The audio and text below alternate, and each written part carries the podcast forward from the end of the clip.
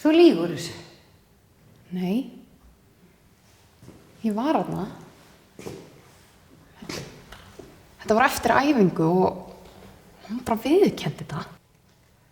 Hann skarpi. Ég heiti Einar Örn Jónsson og þú ert að hlusta á með afturheldingu á heilanum. Og hún hekla mín.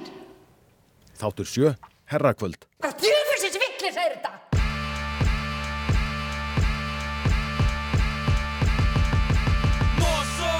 sumi kalla það pizzabæ Ég er allan í aftursækinu á fyrir bíl og hann er styrlast og hann er bara með líf mitt í hendi sér hérna. allir skráðir mm. íþrótta yfkendur, bara flestir í heiminum undir í olimpíuhengunni þar með talið í öllum íþróttafélögum á Íslandi eru undir lifi eftirliti allan sólarringin Facebook fæsla setur herrakvöldið í uppnám. Brynja ætlar í meðferð. Hekla er látin heyra það. Geirjón var vist búin að plana þetta allan tíman.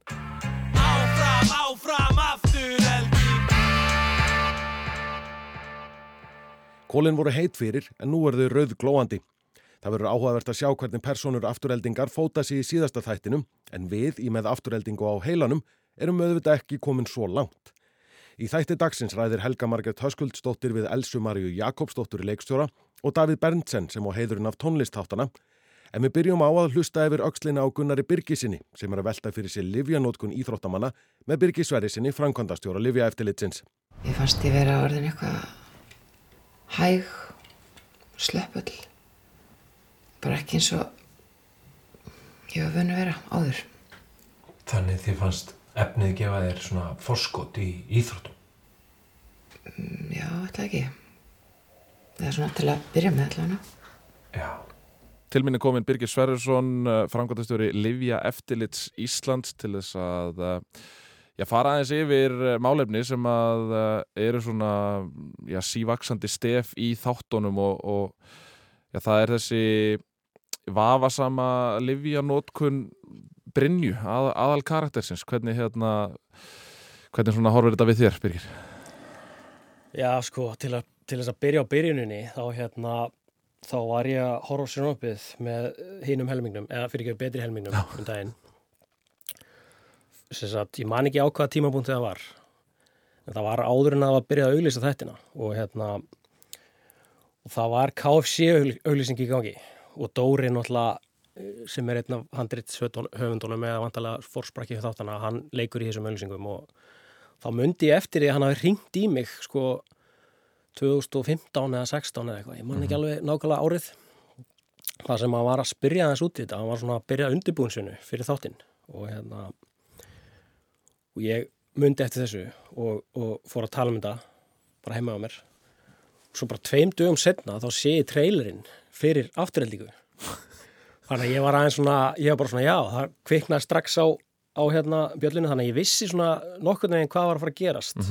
Eða mig grunaði allavega. Og ég vissi ekki hvaða efni væri um að ræða. Nei. en hann var að spyrja um sem sagt hérna ADHD-lif Mm. og, og það kom heim og saman og, og þetta er svona, hvað ég var að segja, þetta er ekki algengasta lifja misnótkunnin í, í bransanum en svona með að við, hú veist, söguþráðin og að hún eigi sér satt strák sem að þarf að nota lifin, þá svona þá er þetta alveg þekkt Mm. þannig að þetta svona þetta meikar sens í raunveruleikanum Ég fæði gegnum són minn. Er hann í neyslu líka?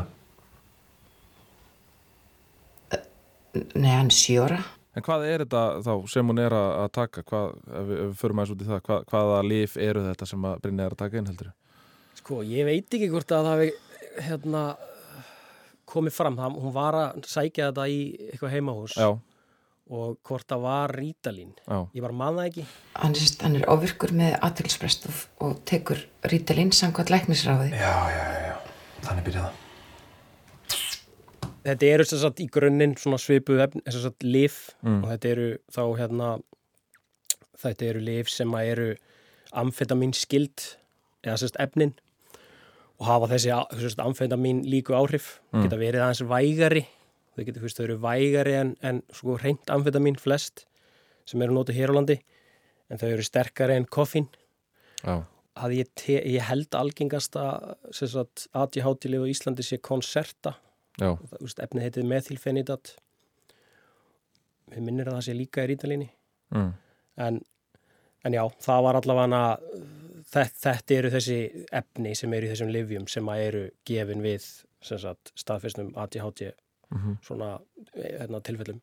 Við sjáum þetta fyrst þarna í, í þessum Evrópuleik uh, þar sem að, að það er að spila á heimavelli þar sem að hún er inn í klefa að taka í raun og veru að mér síndist tvær töflur af þá vantalega rítalíni Byrjum bara á því, hva, hvað gerir rítalín við líkamann uh, fyrir einstakling sem að mögulega þarf ekki á því halda? Já, sem að mögulega þarf ekki á því halda Mm. Þá hefur það í rauninni sagt, þessi áhrif sem að þú sérð bara bersýnilega á henni sem að mér fannst hérna aðstandur þáttana ná að hvað ég að segja, Fanga vel. já, fanga mjög vel Já. og þetta hefur sagt áhrif á miðtöðkerfið, þetta eru örfandi efni Mm. þau losa líka dopamín, þau losa adrenalín og þú veist, auka hjartsláttin þannig að viðkomandi svona, hvað ég að segja, hann svona gæti hálfpartinn svona, hvað ég að segja, mist, mist stjórn á sér veist, og, og, og þá bara vegna örfandi áhrifana sem að efnin hafa sko. þannig að þetta er uh, þe- þetta, þetta er því flokka sem framistuðu bætandi efni? Já, þetta er flokkur sem framistöðu bætandi efni. Er, Hvað segjum svo svo ef að þú myndir uh, eða, eða einhver, einhver á þínum vegum myndir trítla hann inn í klefa bentið til leik og, og uh, taka livjapróf á liðinu. Nú þekki ég ekki fe- verkferlana eða, eða slíkt en, en hvernig, hvernig er því háttað og, og, og, og hver er því hver er því refsingin sem að Brynja myndi fá ef, að- ef að þetta myndi komast upp hún er flækist málið sko. Nei, segjum, ef við byrjum, að- bara á byrjunni að, mættir þú mættir þú, mættir þú taka livjapróf beint eftir þannig leik Já, það getur svo að ef að allir skráðir Mm. mm. íþróttauðkendur, bara flestir í heiminum undir í ólimpíuhengunni þar með talið í öllum íþróttafélögum á Íslandi eru undir lifið eftirliti allan sólarringin, alla dagsins og þá er ég að tala um alla Mhm. Hver, hver einasta einstaklingur sem er skráður. Það myndi hens vegar ekkert vera raunhæft að, lifjaprófa alla sem er í hérna, landsabandi hestumannafélagi vegna þess að það eru tveggjara börn í, í, í því Mhm. eða fimm ára knaspunnið kanda. En þarna erum við komin á, á hugst, í efstu deild og þarna með þessi Európa-leikur. Uh, það sem myndi gerast er það að, að viðkomandi bóðaður í livjapróf, það getur verið, það er oftast þvaðpröfa, það getur verið blóðpröfa líka eða annarkort og, og viðkomandi er þá látin sagt, skila þvaksinni, bara í, segjum að þessi þvaksinni í þessu tilfelli. Og það er svo sendið greiningar og þegar niðurstaðan kemur þá þarf að uh, fara í gegnum ákveðna ferla bara svona eins og í, í hvað við segja, í svona lauruglumálum bara svona til þess að einfalda þetta. Og þetta myndi öllum líkindum vera bara, bara einföldum þetta. Uh, jáka niðurstaða og hún væri ekki með sagt, greiningu eða leifi til þess að nota lifið og þá væri hún mjög líklega ákjærð fyrir lifja misnótkun Mhm. og oftast byrjar uh, bannið í fjórum árum sagt, það er hámarsefsingin en Mm. við byrjum bara að miða við það að hún sé bara útilöku í fjögur ár og svo er tekið tillit til hvað er svo svona mildandi ástæðina eða hvaða hvernig fór inntakan fram? Í hvaða tilgangi er hún? Er hún, er hún fíkil Já. er hún að taka þetta af því að hún er háð þessu og er ekki að reyna að bæta framistöðu sína? Og veist, myndi það vera raugrætt að hún hefði tekið þetta inn í klefa rétt fyrir leik Já, ef hún er fíkil og svo framvegs og svo framvegs en methylfenidat sem er í til dæmis konserta sem er langa algengst að í hátilöfi það er svo kallar sérstaklega tilgreint efni sem þýðir það að það er hægt að færa refsingurinn er í tvö ár tveggjára bann og þegar ég tala um sérstaklega tilgreint efni þá er ég að meina efni sem að getur verið, eða getur fundist í síni íþróttamanns Mhm. uh, án þess að það sé uh, í framistöðbætandi tilgangi eða það er hægt á því að eða líkur á því að það finnist í íþróttafólki án þess að það hafa verið að reyna að svindla í íþróttum mm. af því að það er kannski bara verið að nota það svona svo, sem svo kvöldur recreational drugs sem bara fíknefni út á götu og, og bara á djamminu og, og svo er fólki í íþróttum líka. Bara til þess að svona útskýra líka betur varðandi sérstaklega tilgrænd efni og þá hérna er annar flokkur uh, á bannlistanum sem er nýr sem heitir efni sem er notuð í tengslu fíknivanda. Og það er kókain og það er cannabis það er MDA, MDMA og það, það er allt öðruvísi hérna, málsmeðferð ef að íþróttamæður verður uppvísaði að nota þessi efni án þess að það sé íþróttulegum tilgangi. Mm. þá er allt nýri þryggja mánaðabann eða bara 30 dagabann ef Já. hann getur sínt fram á það að notkunin hafi ekki verið í íþróttulegum tilgangi. Já, og ástæðan fyrir því, sagt fyrir því að þessi efni sé á þeim lista amfetamin er ekki á þessum lista, tek það fram. Mm. kokain, cannabis og ecstasy, MDMA heroin líka, fyrir ekki Mm. Ástæðan fyrir því er svo að þau eru svolítið mikið misnotuð eða svona, já, hjá íþróttafólki. Þannig að þú veist það er miklu meiri not, kókain notkun hjá afreiksíþróttafólki heldur en amfetamin notkun Já, og er þetta eitthvað sem er algengt eins og ég segi að, að, að ég gerir þá ráð fyrir því að íþróttafólk sé að nýta þetta til þess að, að, að skemmta sér eða eitthvað slíkt og, og, og ég meina, hva- þú veist, eh, til dæmis bara ef að, ef að leikmaður fer út á lífið á laugadegi og það er leikur á, á miðvikudegi eða eitthvað, er þetta farið úr systeminu, er þetta farið úr líkamannum á, á þeim tíma eða eitthvað svoleiðis?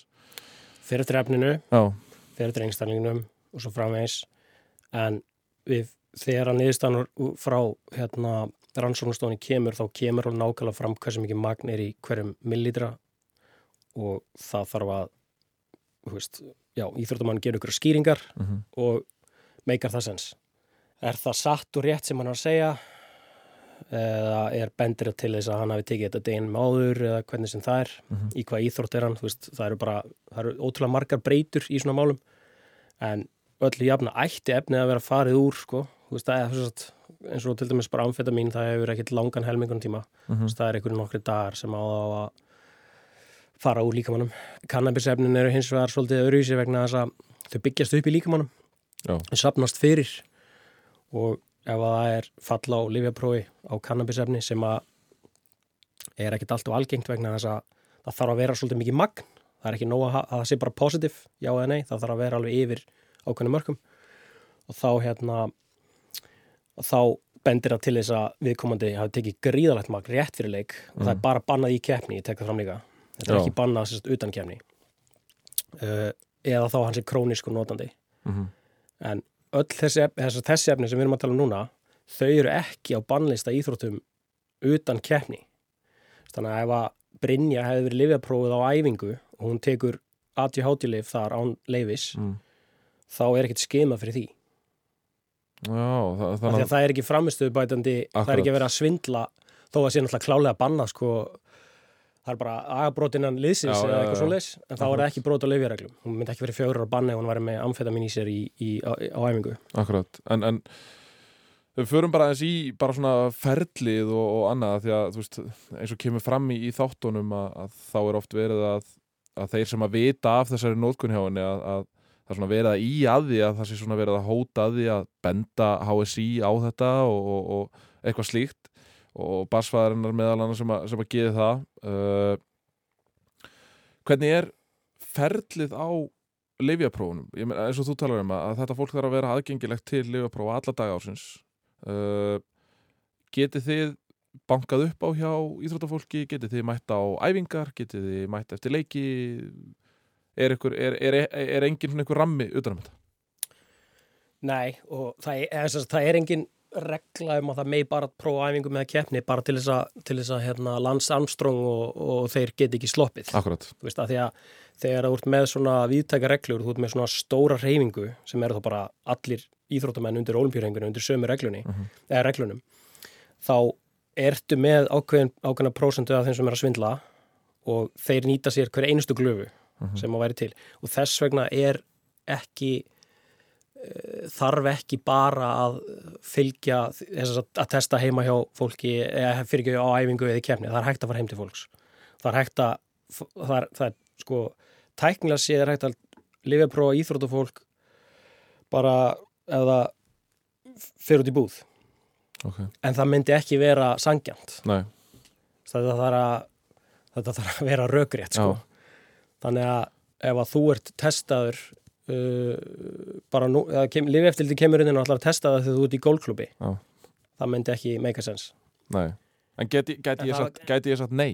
nei, tæknilega sér getur ekki satt nei en þú getur klálega kvartað yfir því eða þú veist, það er þetta hvað var að segja, það væri hægt að gera mál úr því Mhm. En, en, en eru það að fá, þú veist, fáið þið ábendingar eða, eða er þetta eitthvað reglubundið, er þetta eitthvað, þú veist, eða, þú veist, hvernig, bara þannig að maður komur sér eitthvað í skilningum um hvernig, hvernig þið vinnið? Já, sko, það eru við eigum að vinna eftir svona ákveðnum ramma uh, hvernig livjaprófað er og það eru svo sagt þá þrjár leiðir til þess að velja livjapróf. Það er í fyrsta lagi uh, bara handáskend mm livjapróf sem að er bara partur af þá regluböndinu eftirliti bara óaðskiljanlega partur af því og svo erum við með svona target testing það sem að vera bara svona miðað uh, próf það sem að þú velur bara fyrirfram hverjir eiga að vera að fara í lifapróf og svo getur við verið með blöndu sagt, í einstaklingsýþróttum þá ertu með uh, kannski segjum bara frjálsar. Þá er 100 metrar hlaup og þú ákveður að taka fyrsta og þriðja sætið og fymta sætið en þú veist ekkit hverjir eru að fara að vinna hlaupið Já, já, já, Þannig að eru þessar þrjár leiðir. Það sem hins vegar er að gerast og hefur verið að þróast undanfærin ár er það að þessi target test svo gullu, þau, þeim er að fjölga bara til þess að nýta peningin betur en það þýðir ekki endilega að það sé grunur um lifja misnótkun eða eitthvað svoleiðis. nei, Það er bara að vera að nota upplýsingar Já. svona, þú veist, gögn Mhm. til þess að lifja að prófa í staðin fyrir að gera bara eitthvað en það er oft, það kemur oft kom oft ótrúlegustu hlutir úr random checkum sko, það er svona handáskjöndum prófunum þannig að þau er alltaf líka partur af þessu já. En, en, þú veist, ef að ég myndi, þú veist, ringja senda tölupósta eitthvað og segja, hérna, herði, hérna, þetta, þú veist, það er, hann er að bæta sig of mikið þessi eða einhver keppinautu minn eða eitthvað svo leiðis. Er það eitthvað, myndu þið reage, þú veist, myndu þið bregðast eitthvað við því eða er það bara einhvern veginn einum, einum eitt og út um hitta? Nei, sko, Nei. ef það fer inn um eitt og út um hitt þá, ef ég myndi segja það hér já. er Þá er ég ekki í góðum málum uh, en það sem er sem sagt uh, það sem við gerum við svona upplýsingar er að það þarf að skoða þér og meta þér og það þarf að, veist, það þarf að meta trúverðuleikan náttúrulega sjálfsögðu en það er mjög sjaldgeft að fólk tilkynni um grunum livja misnótkun uh, af illum ásetningi, skilur mig eða sem sagt að reyna að koma ykkur fyrir kattanef sem er hefur ekkert setið saka unnið Mhm. þannig að byrjum á því að Já. reyna bara að útiloka það. Eh, hins vegar getum við aðlinn alveg haft rámt fyrir sér um að það sé lifja misnótkuna baki en það sem við gerðum fyrir nokkrum árum var að við keiftum hérna svona uppljóstrunagátt frá fyrirtæki í Danmörku sem er undar orðið þýst fyrirtæki núna sem er með alls konar banka og fjármálastofnanir Mm. og fleiri lifja eftirlit til dæmis á Norðundunum þar sem að fólk getur sendt inn skýslu algjörlega nafnlaust og óreikjanlegt en því meiri upplýsingar sem við höfum því betra af því að oft höfum við bara livja prófin, við höfum ekkit rannsóknarvald eða lögsugu eins og lauruglan við getum ekkit frá að rannsaka mál bara og parkera bíl fyrir utan húsið á fólki eða, eða við, höf, við höfum ekki hvað segja, við höfum ekki hérna, til dæmis bara uh, við höfum ekki formast samstarf lauruglega tollin eða neitt svoleiðis Mm. um, þannig að ef fólk er að kaupa sér stera á netinu og láta það senda heim til sín þá var það brot á lifirreglum en við höfum ekki aðgang á upplýsingunum skilur við. Við höfum alveg fengið ábendingar í genið þessi, þessi kerfi Já. og þannig að þú veist þetta, þetta eigur líkunar á því að fólk stýi fram og, og segi frá en það er samt svolítið stert í fólki að kjafta ekki frá Akkurat. og finnst það stundum svolítið skrítið, það er kannski á sér eðla skýringar að fólk horfir á bíómyndir, það vil ekki vera rotta eins og það heitir oft í mafíumyndunum. En þegar að það er verið að svindli í íþróttum og þú horfir á þannig veist, þá, þá finnst mér það svolítið skrítið að það sé ekki þá fleiri svona flötu blásarar sem að stiga fram og, og segja frá. En það er svona litið þá kannski á lifi eftir litið eins og vondakallin sko, Já. Sem að við erum ekki. Nei, en ég, ég, ég gerir ráð fyrir því að þið mætið samt oft á tíðum pyrruðum einstaklingu sem að kannski neina ekkert alveg að vera að standa í þessu. Er það ekki? Jú, það, það kemur fyrir sko. Já, það En- er bara partur af, af starfinu en, en við reynum þá bara að uh, hérna haga prófinu þannig að það bara gangi hratt og vel fyrir sig og flestir, flest íþróttafólk átt að segja á því að veist, þetta er partur á leiknum. En, en eru þið eitthvað að skoða, þú veist, ef einhver er að, að þið við tölum um 100 metrar hlaup hérna á þann, ef einhver er að bæta sig uh, óeðlilega mikið á milli ára eða, eða lifta meiri þingdum heldur en í fyrra eða eitthvað svoleiðis, er það eitthvað svona sem að veist, kveikir það á einhverjum bjöllum hjá ykkur að, að, að þetta þarf að skoða eitthvað nánar? Já, já, gerir það sko, en það er oft líka þannig, þetta er mjög erfitt uh, þegar við erum svo fáliðið Já. og við höfum, höfum ekki endilega sko, þegar, fó, þegar fólk er kannski að sína þetta á æfingum og svo er mót og það er ekki sama niðurstaðan þar Mhm. um, eða þá að, að árangurinn er, er uh, stór bættur en var kannski ekkit frábær fyrir Mm. og það væri alveg eðlilegt að, að ná að bæta sig veist, á x og y hátt sko. Mhm. þannig að maður náttúrulega bara fagnar því ef að fólk er að bæta sig þannig að veist, kannski fyrsta hugsunum er ekki herrið þetta er doping Nei. það, sé, það er svolítið svona það er svolítið, svolítið depressing En hvernig svona, taklum aðeins undir lokin bara, hvernig er uh, þú veist, livja kultúrin á Íslandi, eru við eru við framarlega í fræðslu, eru við framarlega í að gera þetta ekki, þú veist, eru við hvernig, hvernig stöndum við okkur sem, sem íþrótta þjóð í þessum málum? í sem sagt lifjamálum Já, ég bara veit það ekki. Nei, uh, ástæðan fyrir ég veit það ekki er svo að við erum kannski að taka kannski, við höfum verið að taka í einhvern tíðina eitthvað, rúmlega 100 lifjapró ári sem er náttúrulega ekki mikið Nei. en kannski uh, hlutfall í ákvæðar sína hefur verið 1-2% en það er búið að vera 0 eða við segja, það var 0 það voru 0 í ákvæð síni heldur þrjú orði röð. Ok. Hvað er það að segja okkur? Við erum ekki með nóg stort úrtak. Já. 100 test er ekki neitt með fjöldan uh og hérna eh, við horfum til Norðurlandana þá er talið að það sé að, að, að, að livja misnótkun sé ekkit þannig laga stórt vandamál. Mhm. uh, við erum með miklu herri prósentu á meðaltali í ákvæðum sínum heldur en Norðurlandin þau eru að taka kannski á bylunu 3 til 5.000 síni hvert land. Við erum kannski með 8 í ákvæða síni eða eitthvað svoleiðis og við erum að taka 100 og við erum með 2 1 Já. eða 2 minna mengi og herra hlutfall.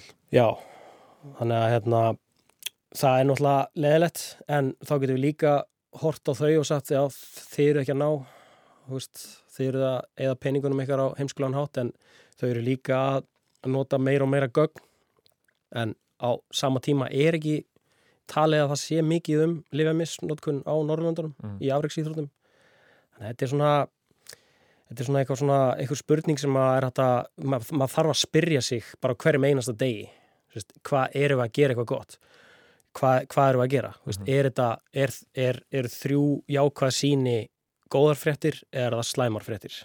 Skilur, náðu við öllum? Nei, það, við, við erum aldrei með san, sannar tölur, eitt lifjapróf er bara það sem að gerðist undanfarnar 12 tíma eða, eða þú veist, hvernig sem það er. Mhm. þannig að morgun er bara nýr dagur og þú veist, þetta er bara 100 test eða 150 eða hvernig sem það er. Vegna er fræðslan svo mikilvæg. Það er eitthvað sem að við erum að leggja miklu meira áslá að ég veit ekki hvort að Brynja veit að þetta sé bannað. Það er ekki komið fram í þáttunum. En ég vona að hún veit það. Ég veit að þessum skrifuðu þáttin veit það, Þeir á að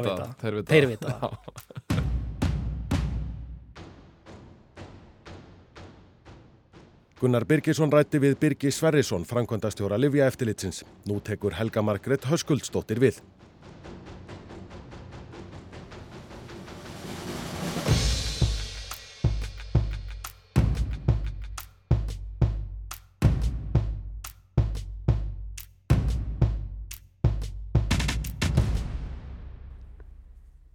Komin til mín, Davíð Bensen sem að sér um eh, tónlistina í þáttunum og Elsa Maria Jakobsdóttir leikstjóri í 7. og 7. þætti. Davíð hérna með mér í, í stúdíu í Efstaleiti og Elsa í Danmörku, ekki satt? Jú, ég er í Kaupanhöfn. Hva, hvað er það brasi í köpun? Herri, ég bý nú bara hérna, en það vill svo skemmtilega til að hljóðvinnslan á afturheldingu fer líka fram í Kaupmannahöfn í stúdíó sem er Supersonic. Þannig að það er svona bara líka held ég bara ljómandi fínt að hafa mig á staðnum. Þannig ég hef geta verið að fara bara verið, verið að fara í stúdíó til þeirra og á saman tíma erum við líka að vinna þetta í gegnum netið og alls konar fyrst í gangi. Sko hljóðvinnslan, Davíð, það er ekki það sama og, og þú ert að gera. Þú ert að sjá um tónlistina. Hver, hver er munurinn að þá? Já, um, það er bara svona til dæmis þegar þegar leikinnir er í gangi eða eitthvað, þá er svona alls konar hljóð og svo er ykkur að skella bílahurðum og allir svona þau auka hljóð sko. Ég ger bara tónlistina sko. Akkurat, eh, sko, hérna, ef ég bara spyr ykkur bæði, hérna, hvernig, og byrja þér kannski, Davíð, hvernig, hvernig kemur þú inn í, inn í þetta verkefni? Já, það er góð spurning. Um, ég fæ sér satt handriti fyrra sumar og þau vilja referensi með Dire Straits í fyrstu þættina og svona vilja gítardrifi skor og ég held að þeir hafa hýrt lag sem við gerðum sem heitir Shaping the Grey og þau vildi fá svona þannig melodist feeling í það sko. Og svo er þetta sko líka spennuserja þannig að þetta, já, þetta átt að vera svona gítar yfir í svona thriller. Og það var svona nokkuð svona snúði að hugsa það sko. Þannig að ég fæ handriti og byrja að brainstorma einhverju hugmyndir og sendi alls konar skissur sem ég spila gítar, bassa og allt þetta dót með það í huga að, að fá sem sagt þá hljófarileikara til að spila það sko. Og það fannst mér rosa stressandi mitt, alls að þegar ég var að senda skissur á okkur sko. Og Já. bara eitthvað, þetta verður gott sko. Og svo alltaf var það svona sent og sent sko, það ég fekk hérna mitt Guðmund Óskar og Magga Trómara og Guðmund Pétursson sem er alveg, er bara æðislegt gengið mitt og þeir svo, sem sagt, replaceu skissun og maður var svo stressaður með það bara ok, þú veist þetta verður að vera gott strákar sko svo bara leiðum að þeir byrja sko og taka hugmyndundar bara það var alveg gesað sko, mér sko Já, mér fannst þú einhvern veginn líka alveg bara strax vera bara á ótrúlega góðum trakki, Davíð. Þetta var allt bara svona, einhvern veginn virkaði svo hár rétt og sannfærandi frá byrjuna því að þú veist, þetta er rosalega stórt verkefni sem þú færð að skora eitthvað sem að er, þú veist, drama en líka mikið gaman og komedía og svo er þetta, veist, líka einhvers konar spennumynd. þetta er rosa snúi sko Já, já. og hérna, Mhm. einmitt, minnst líka hérna, svo fyndi sko fólk spyr mann oft sko hvað, þú veist, ertu búin að sjá þættina? Maður er bara, já, ég svona, þú veist, þetta er smá eins og spyrja klipp bara, ertu búin að sjá efnið? Þú hérna, þú veist, maður er með sömu senur bara endalist, bara aftur og aftur og horfa á þær og þú veist, með hljómborðið og bara stundu gengur ekkert, svo næsta dag gengur rosa vel og þannig að þetta er mjög tímafrækt sko og Einmitt. einmitt þetta var snúið sko að- koma svo öllu saman í einn hljóðheim sko og hérna en já ég svona, bara nokkuð sáttu með hvernig þetta fór Já, þetta er, mér finnst það geggja sko. Ég hérna, mér finnst þetta einhvern veginn bara svona hárréttu tótna og líka því að þegar ég var að lesa handritin skilur eitthvað, það var eitthvað svo mikið svona svitaband eitthvað Já, já. fíkur einmitt strákunum töluðum dæstreitt og, og þetta er svo hárrétt, þú hefur svo oft komið fram með mitt með svitaband já. innband ég er með það núna sko. þú veist með auðvitað, auðvitað. Mjög gott. Þannig en já, ég ætla Já. kannski að koma að líka að sko, þetta er grín, spennu, thriller og drama sko og hérna, þetta er er á, sko, snúið sko ef maður gerir til dæmis grín tónlist og og grín sko, þá er bara fasast það út þú veist, ef það er bring, þú veist, einmitt, eitthvað þannig sko þannig að þetta er rosa svona það var svo gaman um þetta að fá að vinna með ykkur leikstjórnum í þessu sko að þeir eru svo með gott sensi mitt fyrir tíma hvað sem er svona timing sko tímasetningum sko, það skipt svo miklu máli sko. Komum kannski, kom, komum kannski að, að svona ykkar samstarfi á eftir en Elsa, Mhm. hvernig, hvernig kemur þú inn í, inn í þetta verkefni? Sko fyrir mörgum árum síðan þá hérna uh, las ég fyrir strákana, fyrir Hatta og Dóra bara sem svona einhvers konar handritsráðgjafi og það var útrúlega frábæra og skemmtilegu lestur og strax þá var þetta bara útrúlega já, bara svona, þetta stóð á svo hérna sterkum fótum sko fannst mér og var gaman að fá að lesa þá að vera treyst fyrir því og svo nokkur ári setna, ætlaði ekki verið bara núna bara 20-21 þá hérna höfður aftur samband og byggði mér að leikstýra tveimur þáttum og ég þurfti ekkert að hugsa mig um sko, ég var bara búin að vera síkreta einhvern veginn, langaði langaði að vera með sko, ógeðslega skemmtilegt og spennandi efni og hérna, þannig ég var óbúslega hamingjusum með það sko. Þessir þættir sem að þú leikstir er sjötti og sjöndi þátturinn sem að er núna nýjasti sem við sáum sko, það, það er rosa mikil spennu uppbygging í, í gangi, það er svona áflog á, á mörgum stöðum. Ert, ert, þú, þú sérfræðingur í, að- í að leikstýra já, átökum? Ég veit það ekki, sko. Ég var bara, hérna, einhvern veginn deildi hattu þessu út svona. Ég, hérna, veit ekki hvað hva það var. En, hérna, en ég var alveg fegin að, hérna, að fá ekki svona stóra handbóltaleiki í fangið og, þú veist, þó ég hefði örgulega haft opuslega gott af því, en ég, mér varst þú að gaman að fá svona, daldi svona gæjalega þætti og svona, svona glæpafúsk í bílakjallara og svona hótanir um ofbeldi og fólk að ljúa og svíkja og pretta og ég bara elska það og hérna mér var bara alveg nógu hérna mikið challenge sko. Er þið með eitthvað handbólta tengingu þitt við það? Nei, alls ekki. Ég uh, æfði handbólta með Völsungi og Húsavík. Ok, mjög gott. Uh, öll mín ár sko og hætti þegar ég var 16 ára bara þetta var orðið svo brútalt og bara þetta að fá olbogan í brjóstinn Já. það er skelvilegt sko. Já, ég það var alveg svona stór ástæða fyrir þetta var orðið bara svo líkamlega brútalt og bara þetta að vera alltaf að fá ol, svona, já, olbogan í brjóstinn mér, fannst þetta alveg skelvilegt svo líka var veginn ekkert eitthvað alveg þú veist, hérna nógu upplegt að því ég var líka alltaf að spila á fiðlu þannig ég var líka alltaf að pína að spara mig Harpiks og fiðla fekk kannski ekki sérlega vel saman. Nei, það gerði það ekki, en þannig veginn svona, svona var þetta, sko. Þannig að þú hefði kannski ekki verið í standandi vandræði með, með handbóltaserjandar. Það, það, það hefði kannski alveg virkað. Nei, nei, nei, nei, nei, nei, nei. Þa, það hefði verið, þú veist, svona, hérna, allt í lagi, það er meira bara svona kvik, kvikmyndagerðarleg, sko, útfæsla á, á þeim, sem að mér finnst, sko, Brjálæðislega vel, sko. Ég bara, Og það er náttúrulega ekki Hérna- búið að gera þannig, eða þú veist, þetta er í fyrsta sinn allavega og hérna heima og maður gerur kannski endilega ráð fyrir að handbólti hafi, hafi orðið efni í, kvikmyndið eða sjónvarsætti eitthvað starf annar staðar en þetta er bara svona í fyrsta sinn sem að þetta er svona allavega almennilega gert hérna. algjörlega og líka bara, þú veist, ég hugsa bara svona að fólk bara líka bara veira sig við, kannski bara einhver dottaði hug, en Mhm. bara líka, þetta er bara svona framleiðslulega svo rosalega stórt og umfangsmikið og hérna, ég skil það vel að fólk hafi ekki eitthvað lagt í þetta áður, sko. En bara allt þetta teimi, bara einhvern veginn, bara búið að leysa það ótrúlega vel, sko. Tölum við með þetta við að það er þessi, þessi spennu uppbyggingi í þessum þáttum. Finnst, fannstu fyrir því að þi- þú þyrtir eitthvað að breyta tónlistinni eða þú veist?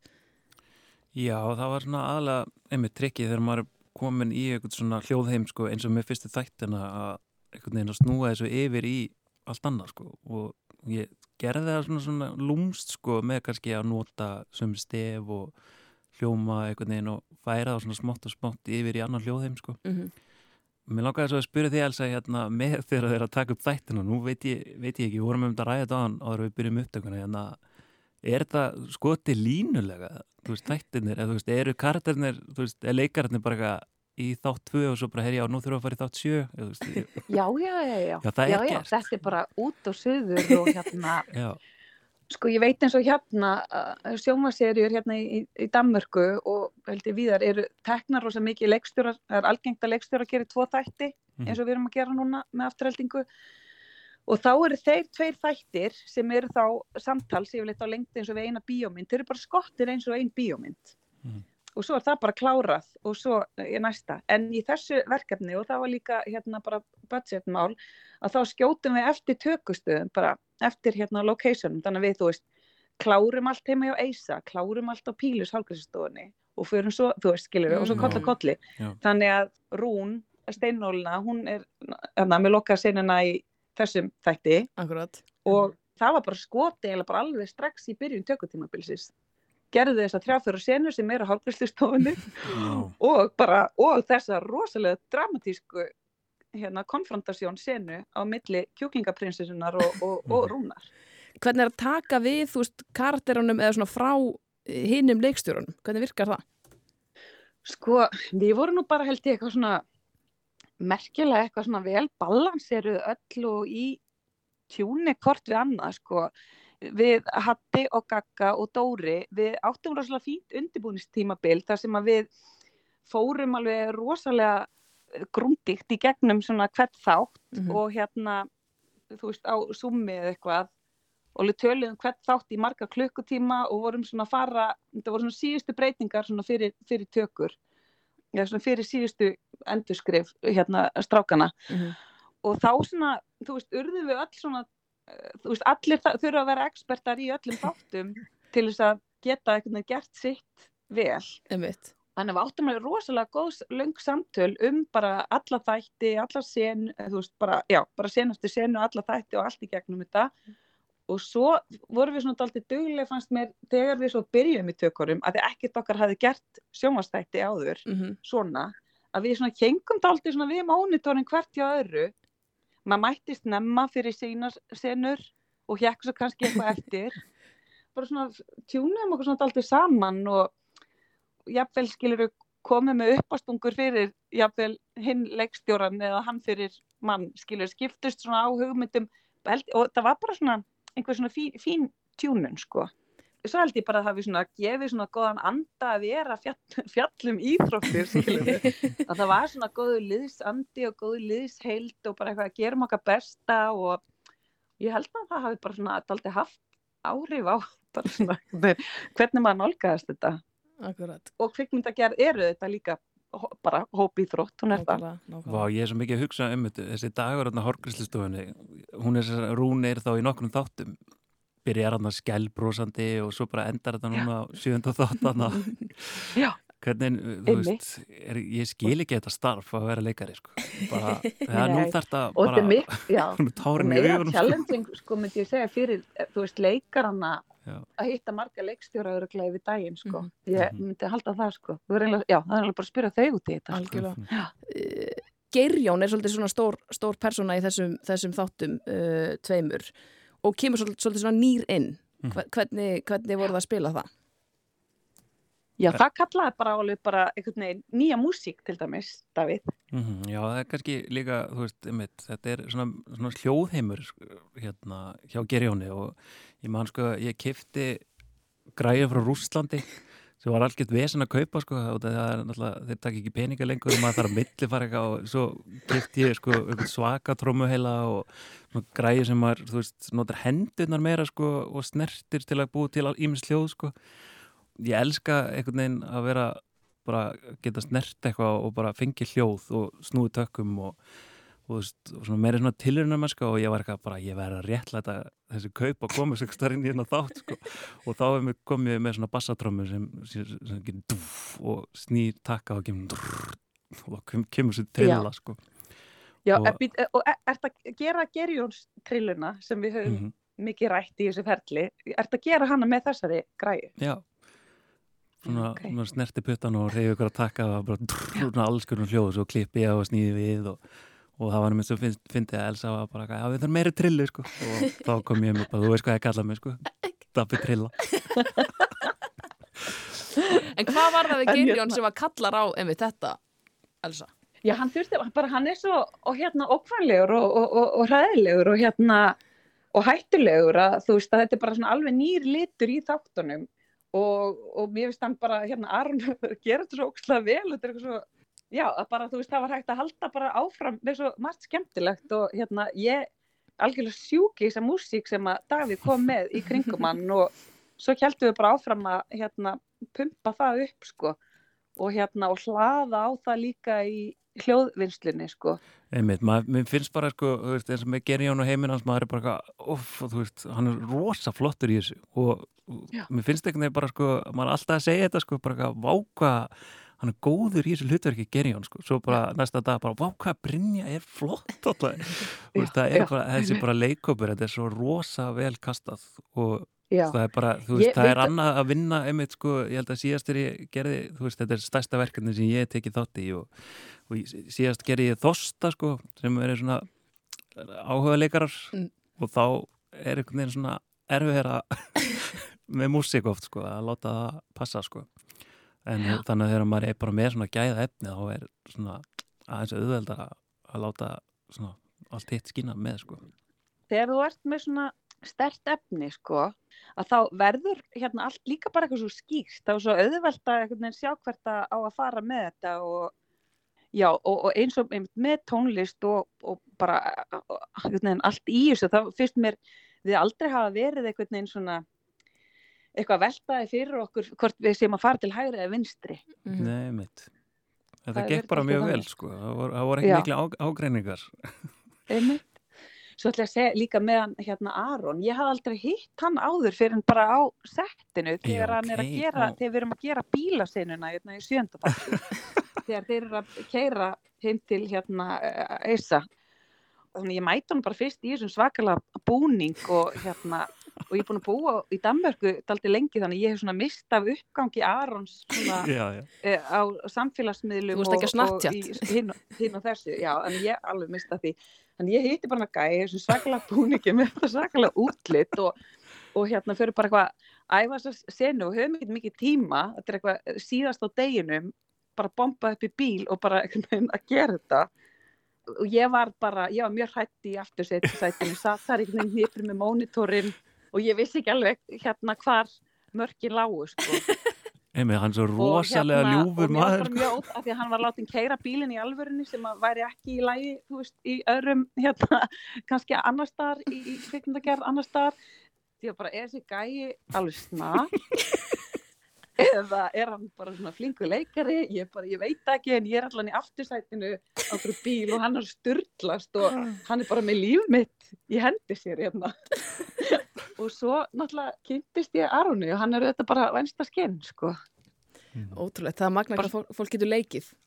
Já, hann er bara svona góða leikari eh, og, ég, og ég trúði öllu, ég var skítræð En, en Davíð, ert þú að vinna þetta línulegt? Þú veist, ertu, tekur fyrsta þátt og svo annan þátt eða þú veist, ertu með þetta eftir eitthvað, þú veist, personum, eða personum er eitthvað stef? Já, þetta er með svona personur er með ákveðin hljóðheim og, og það var líka bara svo mikið snildið með þetta með Elsu og hún var bara eitthvað meir trillu og ég bara, já, trillu og svona eitt stef sem var notað sko, það er svo skemmtilegt samstarf með þetta, ég, þetta er líka fyrsta sjónserja mín og þannig að var- þetta er svona, maður er reynslu ríkari sko, og það er bara gaman að vinna með leikstjórunum mitt bara allir, allir með eitthvað sikur hugmyndir og kannski sem einhvern veginn svona samanast svo bara í loki með músík sko. Hvernig, hvernig vinnið þið saman? Hvernig, hvernig virkar þetta?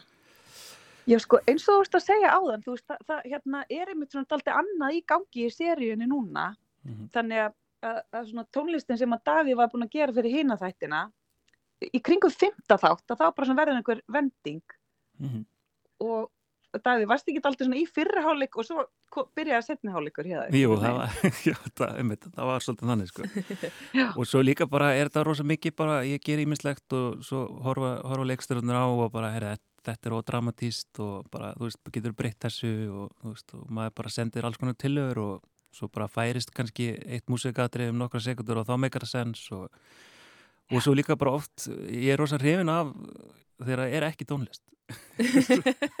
Þurfa að gera sem minnst. Já, ekki það sko, maður er náttúrulega pröfar alla möguleika sko, en eins og hérna bara þegar er dramatist atri og fyrsta sem maður hugsa er eitthvað, já, nú þarf að koma greinandi fyrla sko, þá bara, þú veist, er svo oft flott ef þú tek, tekur það út, ef leikurinn bara og, þú veist, myndatakan og allt bara er flott, þá einhvern veginn Mhm. getur það bara að vera verð sko, Við vorum daldið djörf hérna í sjönda þætti nefnilega að leifa bara dramatískum senum daldið að standa. Mhm. Ég ætla einmitt að, einmitt að spyrja því það koma, það eru nokkrar þannig sem að einmitt það er bara þögn og það verður þá einhvern veginn ennþá meira svona kraftmikið einhvern veginn. Já, ég, ég er svolítið á því sko maður einmitt, Getur verið það, já. Já, já getur verið það, ég, einmitt, eins og einu uppáhaldsmyndi mín er örugglega bara No Country for Old Men og það er engi tónlistín Viðandi. Já, það er bara, þetta er svona, einmitt, það getur verið svona þunn lína sko Ertu búin að vinna alla tónlistina? Ég er svona að klára núna áttunda þátt við vorum einmitt að horfa á hann í ger Já.